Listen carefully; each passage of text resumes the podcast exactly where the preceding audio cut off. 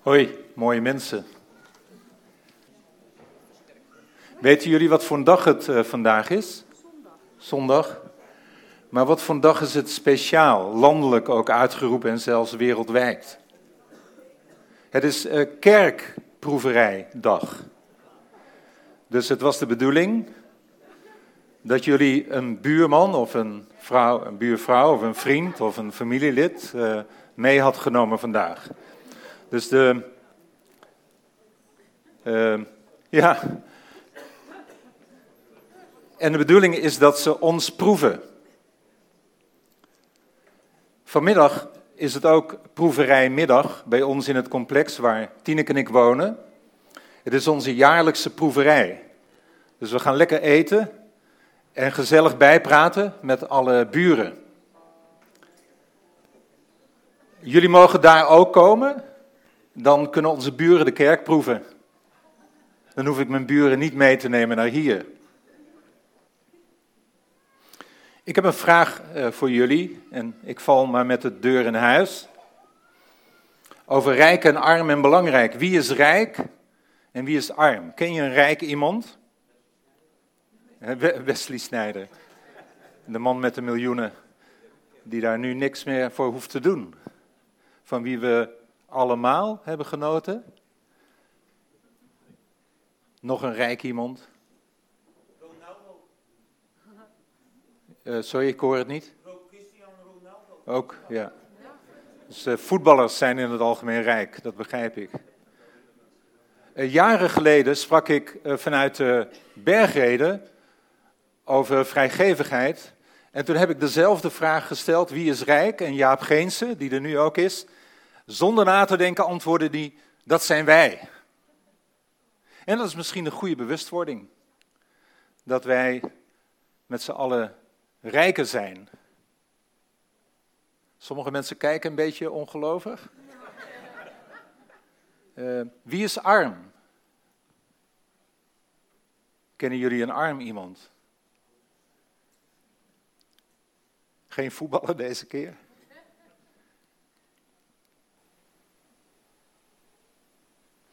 In de gemeente zijn wij bezig met uh, dimensies van discipelschap. Op zondagen spreken we vanuit dat thema. En door de week, ook deze week, uh, in de huisgroepen. En het thema uh, dat we nu aangaan is authentieke relaties. En respect hebben voor anderen. Bram en Rosemarie en Janneke hebben vorige week het thema afgetrapt, om zo te zeggen. Bram heeft opnieuw de missie en visie neergezet. En Rosemarie heeft uh, kort gesproken, inspirerend, over authentieke relaties. En Janneke over het maken van discipelen. Dus nu even checken. Janneke had het onder andere over kinderen die hun kamer opruimen. Dat is deze week allemaal gebeurd, begrijp ik. Je had toch goed geluisterd, hè, dat voorbeeld. Er zijn toch geen ouders die hun kinderen daarmee hebben lastiggevallen, hoop ik? En als het gaat over authentieke relaties, uh, Rosemarie had het over Rembrandts die worden ontdekt. Hebben jullie nog een Rembrandt ontdekt toevallig deze week? Als je de kant hebt gelezen of het nieuws hebt gevolgd, dan weet je dat er opnieuw een Rembrandt, een authentieke Rembrandt, is ontdekt. En ik hoop dat mensen die ons van de week hebben ontmoet, authentieke christenen hebben ontmoet.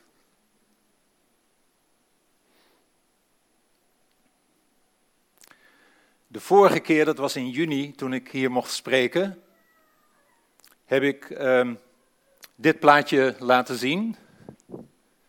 En ik heb toen gevraagd wie zijn knieën dit waren, die, van een van jullie of, of die van mij. Ik had toen net als nu ook geen korte broek aan, dus jullie konden dat niet echt herkennen. Maar het bleken de knieën van een kameel te zijn. En ik heb toen gememoreerd dat apostel Jacobus, die ook een brief heeft geschreven, ik spreek vanmorgen vanuit die brief, de bijnaam had oude kameelknieën. En hoe kwam dat? Hij had uh, eeltknobbels op zijn knieën vanwege het vele bidden. Dus uh, ja, dat is wel heel mooi om daarom uh, bekend te staan. Moet je wel elke keer een lange broek aan. Um, maar zijn omgang met Jezus En zijn gebedsleven leidde tot een heel bijzondere wijsheid in heel veel dingen. En gebed is altijd de basis voor wijsheid. En het omgaan met Jezus is in combinatie met gebed altijd de basis voor wijsheid. Nou, ik ben benieuwd wat nu die kameelknieënwijsheid van Jacobus is als het gaat over authentieke relaties en meer in het bijzonder ook het respect hebben voor anderen. Ik doe nog een kleine snapshot van de vorige keer, om jullie daarin even het geheugen op te frissen. Ik zei toen dat wanneer wij als volgelingen van Jezus bij elkaar komen in gemeenten, in gemeenschappen zoals deze, Winnet Utrecht in dit geval, alles wat verkeerd kan gaan, gaat vroeg of laat verkeerd. En outsiders, buitenstaanders die naar de kerk kijken, die komen tot de conclusie eh, dat het alleen maar gaat over religieus gedoe, oneerlijk gedoe. En soms, en misschien zelfs vaak, ook terecht. Uh, kijk maar naar misbruikschandalen. En het geldt trouwens niet alleen voor de kerk, maar voor de hele samenleving. Mensen die elkaar voor rotte vis uitschelden en daar een gewoonte van lijken te maken. En laten we eerlijk zijn, kerken zijn vaak geen modelcommunities of modelgemeenschappen. Gemeenschappen van goed gedrag. Nee, het zou eerder zo zijn dat in kerken en ook in deze kerk, in Vineyard Utrecht, uh, wangeloof en wangedrag en waandenkbeelden uh, tevoorschijn komen, zodat we er iets aan kunnen doen. En Jacobus laat dat zien in zijn brief. Hoe hij als een van de leiders van een van de eerste gemeentes kundig aan het werken is om te confronteren, te diagnosticeren, om te gaan, uh, bezig te gaan met wangeloof, wangedrag in de gemeente die aan zijn zorg was toevertrouwd. En daar kwam die diepe levenswijsheid bij om de hoek kijken. Wijsheid die zeldzaam is en wijsheid die noodzakelijk is. Wij kunnen niet zonder die kameelknieënwijsheid. Soms denken we dat wijsheid is vooral de waarheid kennen en dat hoort bij wijsheid, maar wijsheid is meer. Het is de kunst om te leven. Levenskunst. In ons geval om te leven zoals Jezus. Want wat heb je aan waarheid, aan feiten of kennis als je niet weet wat je ermee moet doen? Om het om te zetten als prioriteit in gedrag. Nou, authentieke relaties is zo'n prioriteit. En het gedrag wat daarbij hoort, is anderen met respect behandelen. Toen ik in 1988 voor het eerst eh, vineyards bezocht in de Verenigde Staten, vineyardkerken, kwam ik ook terecht in de Vineyard in Anaheim, waar John Wimber, ehm, de oprichter van de Vineyard-beweging, eh, toen nog voorganger was.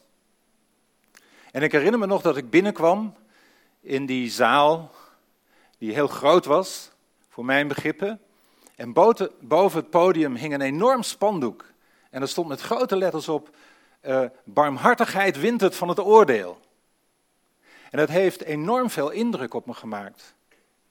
En uh, dat heeft toen ook het verlangen in mij versterkt om als kerk een gemeenschap te zijn waar barmhartigheid het wint van oordeel.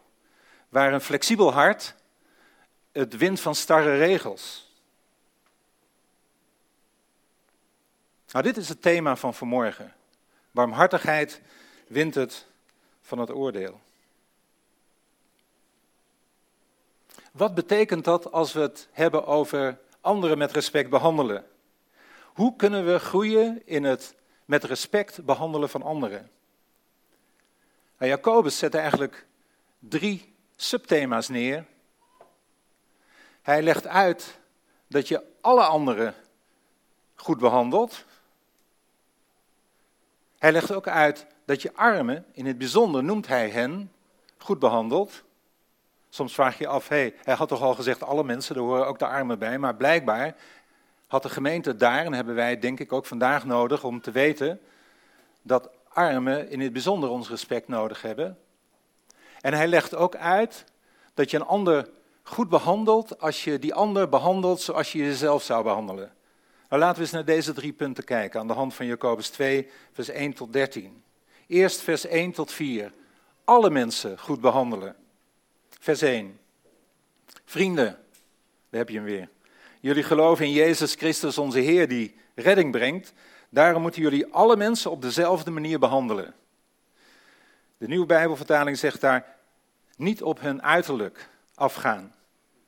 En de message, vrij vertaald, niet beïnvloed door de publieke opinie. Stel dat jullie als christenen bij elkaar zijn en dat er dan twee mensen binnenkomen. De ene is een rijke man met een uh, prachtige mantel, een uh, Armani-pak en met gouden ringen aan zijn vingers. De andere is arm en draagt vieze, oude kleren. En stel dat jullie dan die rijke man met veel respect behandelen en zeggen: Kijk, hier is een hele mooie plaats voor u. Gaat u alstublieft zitten. Maar dat jullie tegen die arme man zeggen: Blijf jij daar maar staan of ga daar maar op de grond zitten. Stel dat jullie zoiets doen, dan behandelen jullie de een beter dan de ander. Dan beoordelen jullie mensen op een heel verkeerde manier. De message zegt daar, vrij vertaald, dat bewijst dat jullie rechters zijn die niet kunnen worden vertrouwd. Voor ons als christenen is Jezus Christus en is het leven van Jezus Christus alles bepalend als het gaat over hoe wij omgaan met andere mensen. En Jacobus zegt hier, je doet het goed als je iedereen, alle mensen op dezelfde manier behandelt, met respect. De een niet anders dan de ander, de een niet beter dan de ander. En beoordeel, let daarop, mensen niet op hun uiterlijk. Kijk daar doorheen. Met ogen van barmhartigheid en niet van oordeel. Jacobus maakte zich zorgen over de manier waarop de mensen in de gemeente met elkaar en ook met anderen omgingen.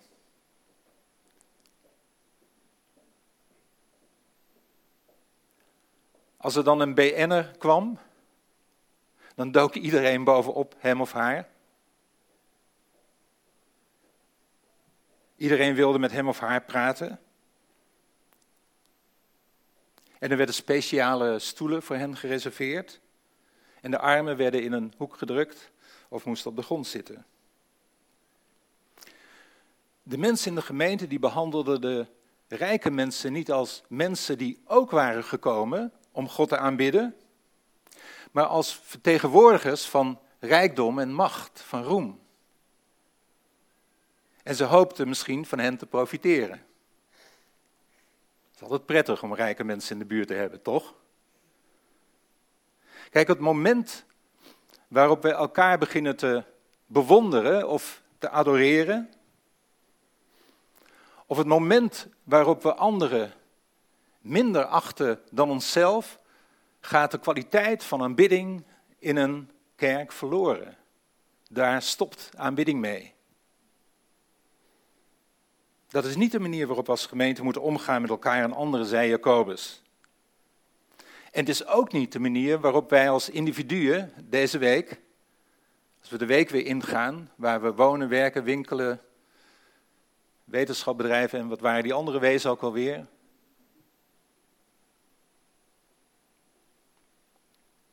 Aan het begin vroeg ik, uh, wie vind jij een belangrijk iemand? Nou, stel je voor dat, noem maar iemand, Mark Rutte hier vanochtend binnengewandeld was.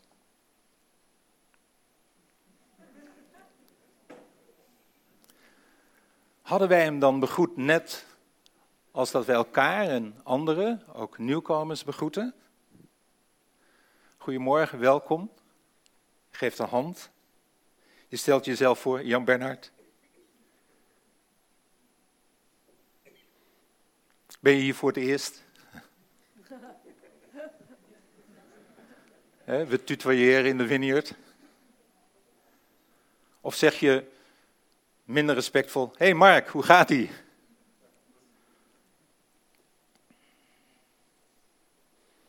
Of begroet je sowieso geen nieuwkomers? Kan ook.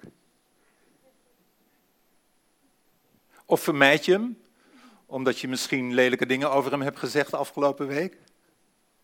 Of vermijd je hem omdat je je misschien geschoffeerd door hem hebt gevoeld, door dingen die hij heeft gezegd? Nog afgezien daarvan dat hij misschien incognito wil zijn met een zonnebril op en een cap. Hoe moeilijk of zelfs onmogelijk zou het zijn voor bekende Nederlanders om hier te komen om samen met ons God te aanbidden?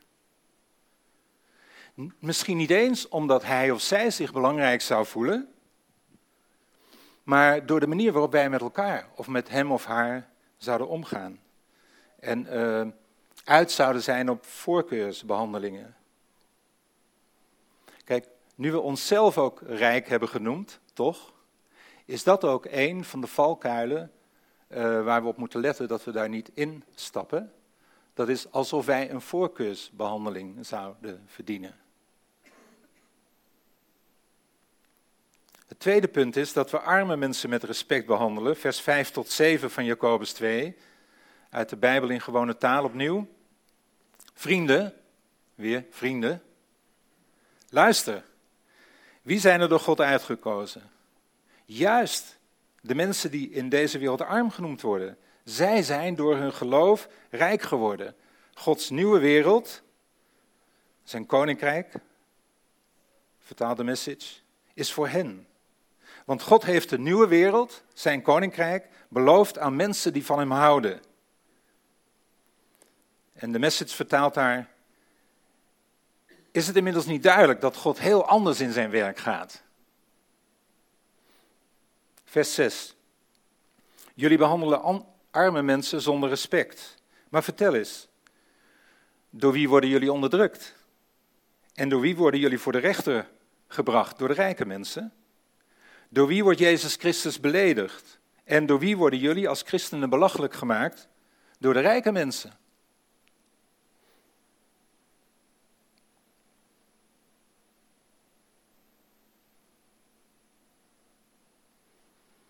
Het werd al duidelijk dat we rijken geen voorkeursbehandeling geven. En nu wordt wel heel duidelijk dat wij armen niet anders behandelen dan anderen, dus ook niet anders dan rijken alle mensen op dezelfde manier behandelen, respectvol. En dat is goed. Nog een keer de vraag, kennen jullie arme mensen? Ik kan jullie vertellen dat waar ik wel dakloze vrienden mee heb genomen naar deze kerk, dat ze steeds heel erg onder de indruk waren van wie jullie zijn. Ze, ze zeiden dingen als dat uh, mooie, lieve mensen. En dat vervulde mij met uh, trots. Ze voelden zich niet weggekeken. Ze waren zonder uitzondering complimenteus over de gemeente. En reken er maar op dat ze eerlijk waren. Dus nu draai je de vraag eens om. Ben je zelf wel eens met minachting behandeld? Of zonder respect? Of onderdrukt? Of uh, hebben mensen lacherig over je gedaan? Ben je belachelijk gemaakt? Ik heb misschien wel het meeste over respect geleerd door om te gaan met daklozen. Door met hen op te trekken. En juist vanwege respect en ook vanwege de nieuwe privacywetgeving ben ik niet vrij om het hen over hen te hebben, toch? Met uitzondering, en ik hoop dat ik daar goed aan doe, van Marcel. Wij noemden elkaar beste vrienden, die een paar jaar geleden is overleden. En waar ik nog steeds verdrietig over ben.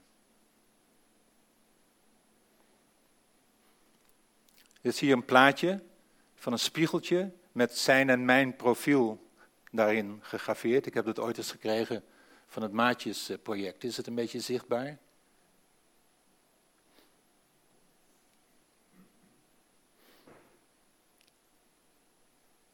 Mijn hele gezin hield van hem en hij van ons. Hij had gevangen gezeten omdat hij iemand had vermoord. Daar kwam ik pas later achter.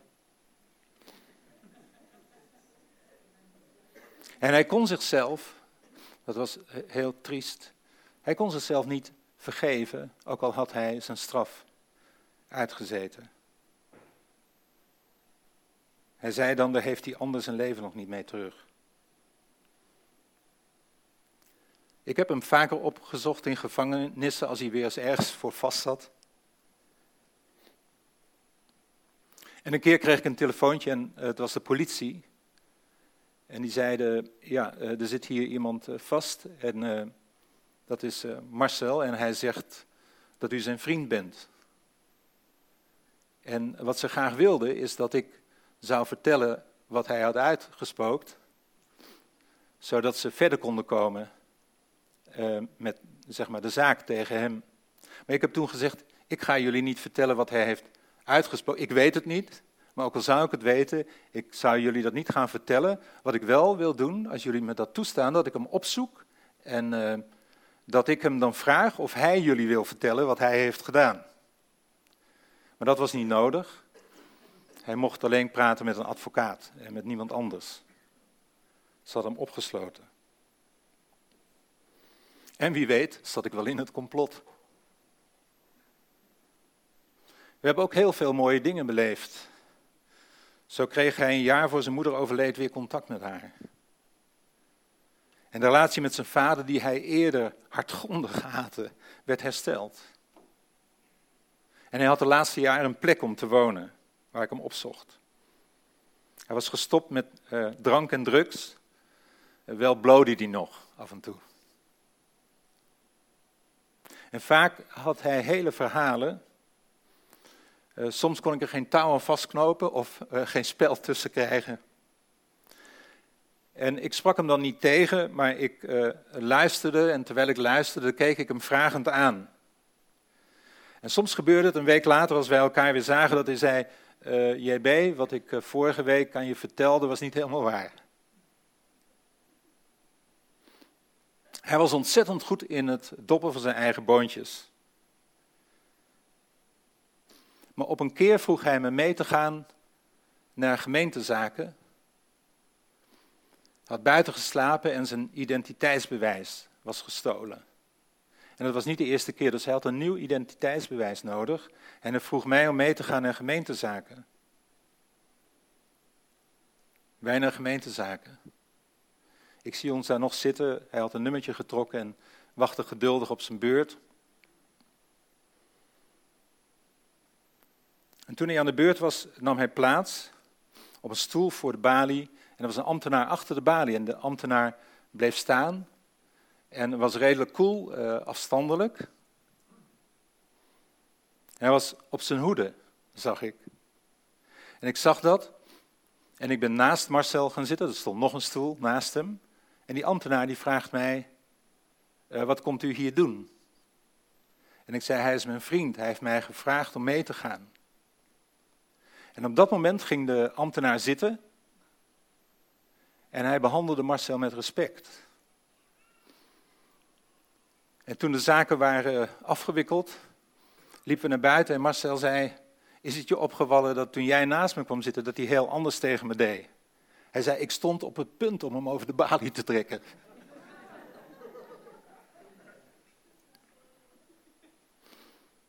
Eerlijk gezegd denk ik dat hij bekend was bij gemeentezaken. En dat hij zich daar eerder wel eens niet zo netjes heeft gedragen. Ik begrijp die ambtenaar dan ook heel goed.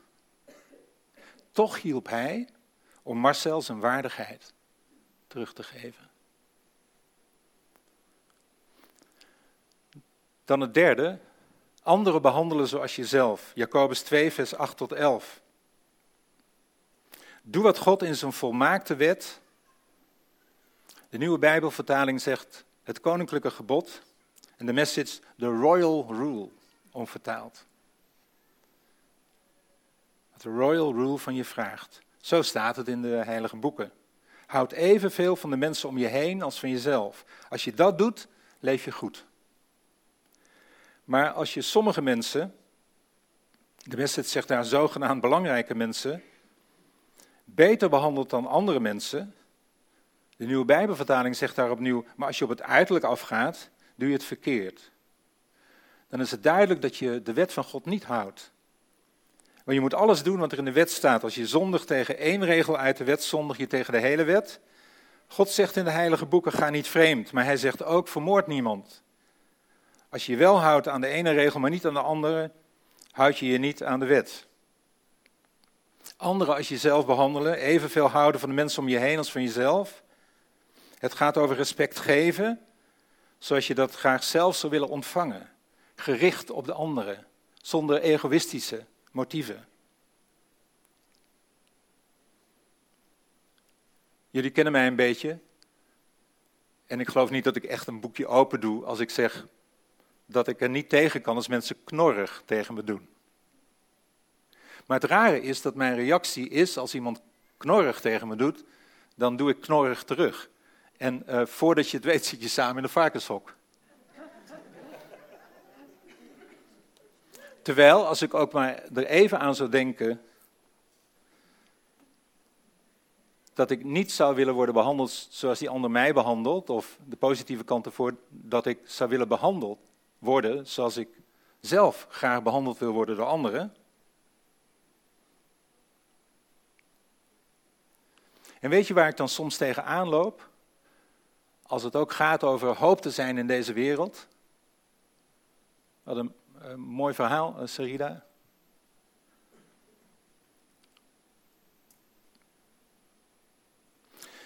Wat je heel vaak hoort zeggen, ook onder christen, je moet respect hebben voor de overtuiging van de ander. En dat is zo. Dat blijft zo. Maar hoe kunnen we dan onze taken uitvoeren, zoals Paulus het vrij vertaald zegt in dat gedeelte in 2 Korinthe 5, vers 16 tot 20, dat het onze taak is om iedereen te vertellen wat God aan het doen is. Om iedereen uit te nodigen vrienden met God te worden, omdat hij al lang vrienden met hen is.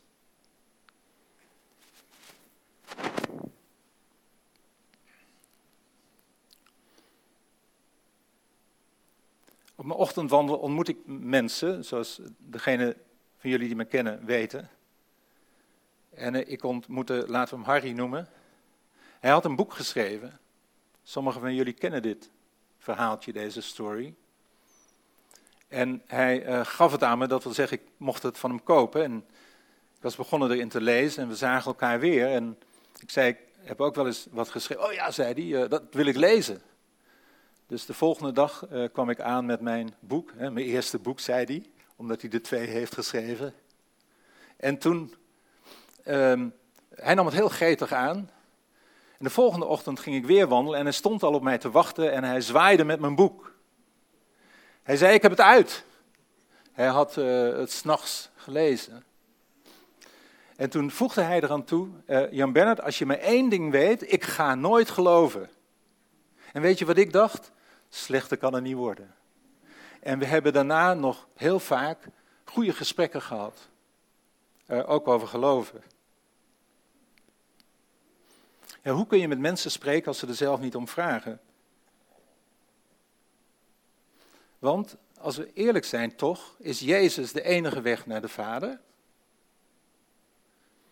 Hoe kun je, als je evenveel van een ander houdt als van jezelf, die ander het goede nieuws van Jezus onthouden? Dat zou pas wreed zijn. Toch? Of moeten we ons voor de gek laten houden en gaan geloven dat er zoiets is als alverzoening, dat iedereen wordt gered, ook als ze Jezus niet kennen? Redding gun je toch iedereen? Het is onze missie om hoop te zijn voor de mensen om ons heen. Het staat ook in onze missie en visie. En Jezus is de enige weg naar de Vader. Hoe gaan we daarmee om?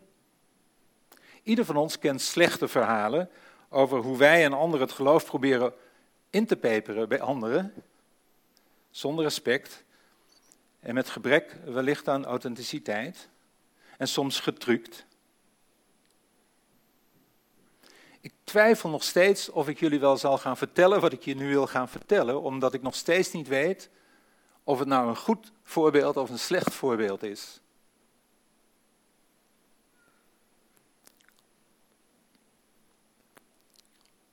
Vrienden van ons in uh, Zuid-Afrika gaan uh, binnenkort, net als wij twee jaar geleden, met de meritaat. En uh, ons is gevraagd om als verrassing voor hen een filmpje op te nemen waar Tineke en ik iets inspreken naar hen toe. Uh, woorden van vriendschap.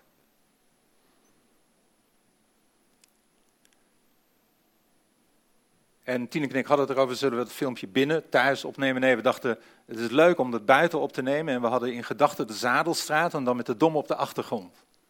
En uh, zo ons door Janneke te laten filmen en uh, een paar mooie dingen uh, tegen hen te zeggen. Nou, Tineke en Janneke vast op weg naar de Zadelstraat. Ik moest nog even iets anders regelen en volgde even later. Maar toen ik buiten kwam was het gaan regelen. En toen hoorde ik opeens mijn naam roepen. En toen zaten Janneke en Tineke binnen bij Le Jardin. Dat is een soort bloemenparadijs uh, bij ons aan de Mariaplaats uh, om de hoek. Sommigen van jullie zullen dat kennen. En daar zaten ze binnen. Uh, Tineke had net bloemen gekocht, die ze in het videootje wilde aanbieden aan onze vrienden in Zuid-Afrika. En ze hadden ook een koffietje besteld, omdat Le Jardin ook hoort bij het restaurant wat daarnaast zit. En ze zeiden, we gaan het filmpje hier opnemen. En toen keek ik, laten we haar Roos noemen, naar de bloemisten. En ik dacht, uh, is dit wel zo'n goed idee? Want ik wist wat ik zou gaan zeggen. Dat waren uitgesproken woorden uh, van vriendschap, maar ook heel uitgesproken over wie God is en wie Jezus is. Dus ik vroeg haar nog of ze het zeker wist, of het goed was dat wij het filmpje daar gingen opnemen. En ze zei ja, dat heb ik toch gezegd. Dus wij namen het eh, filmpje op.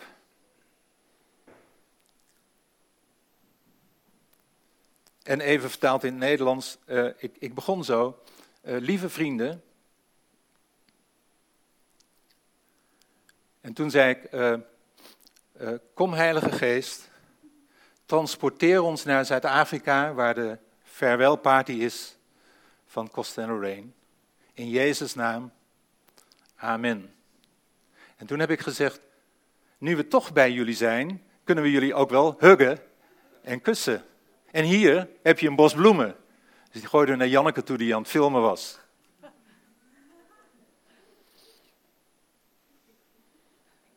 Eh, de laatste zinnen van wat we zeiden waren in het Engels, dat is de zegen die Paulus geeft aan het eind van zijn tweede Korinthebrief. The amazing grace of the Master, Jesus Christ, the extravagant love of God and the intimate friendship of the Holy Spirit be with you. En uh, helemaal uh, tenslotte als uitsmijter, we love you. En terwijl wij zitten te bekomen van de opname, dat is toch altijd weer spannend, horen we van achter de balie, wat zullen jullie vrienden blij zijn met wat jullie net hebben gezegd? Jullie zullen wel heel erg blij zijn met zulke vrienden. En even later voegt Roos er nog aan toe. En zij kunnen heel blij zijn met zulke vrienden als jullie. Het was een heel bijzonder moment.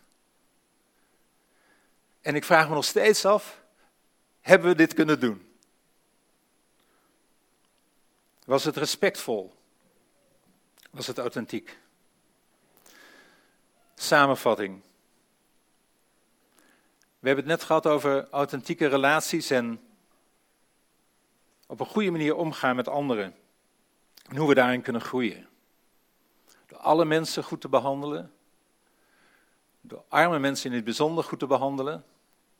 En door anderen te behandelen zoals je jezelf behandelt. Dus nu zijn we toe aan een oproep. En wat is een betere oproep dan de twee slotversen van Jacobus 2, vers 12 en 13. Spreek en leef dus zoals God het van jullie vraagt.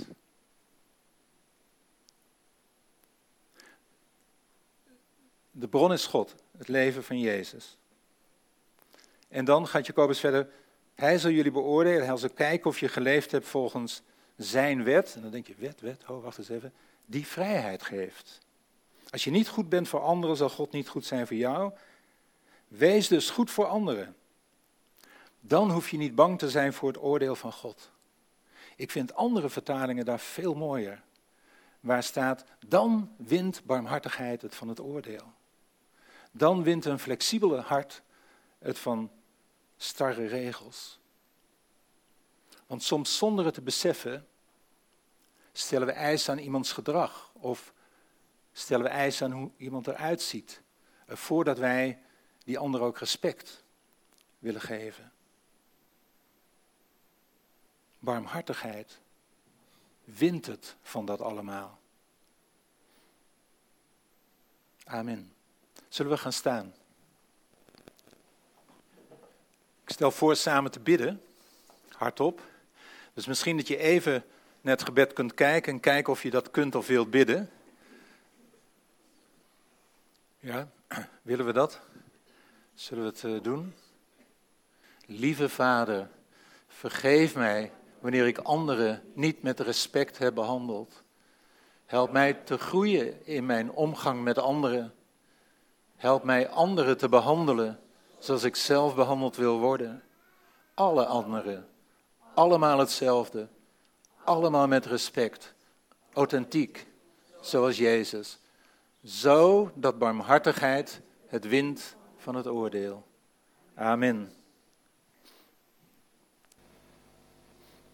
Vind je het moeilijk om respectvol te zijn tegen bepaalde mensen? Bid om kameelknieënwijsheid.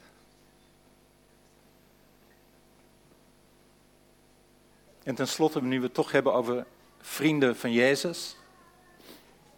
Als je Jezus nog niet volgt, of nog niet weer volgt. Jezus is al een vriend van jou. Waarom word je niet ook een vriend van Hem?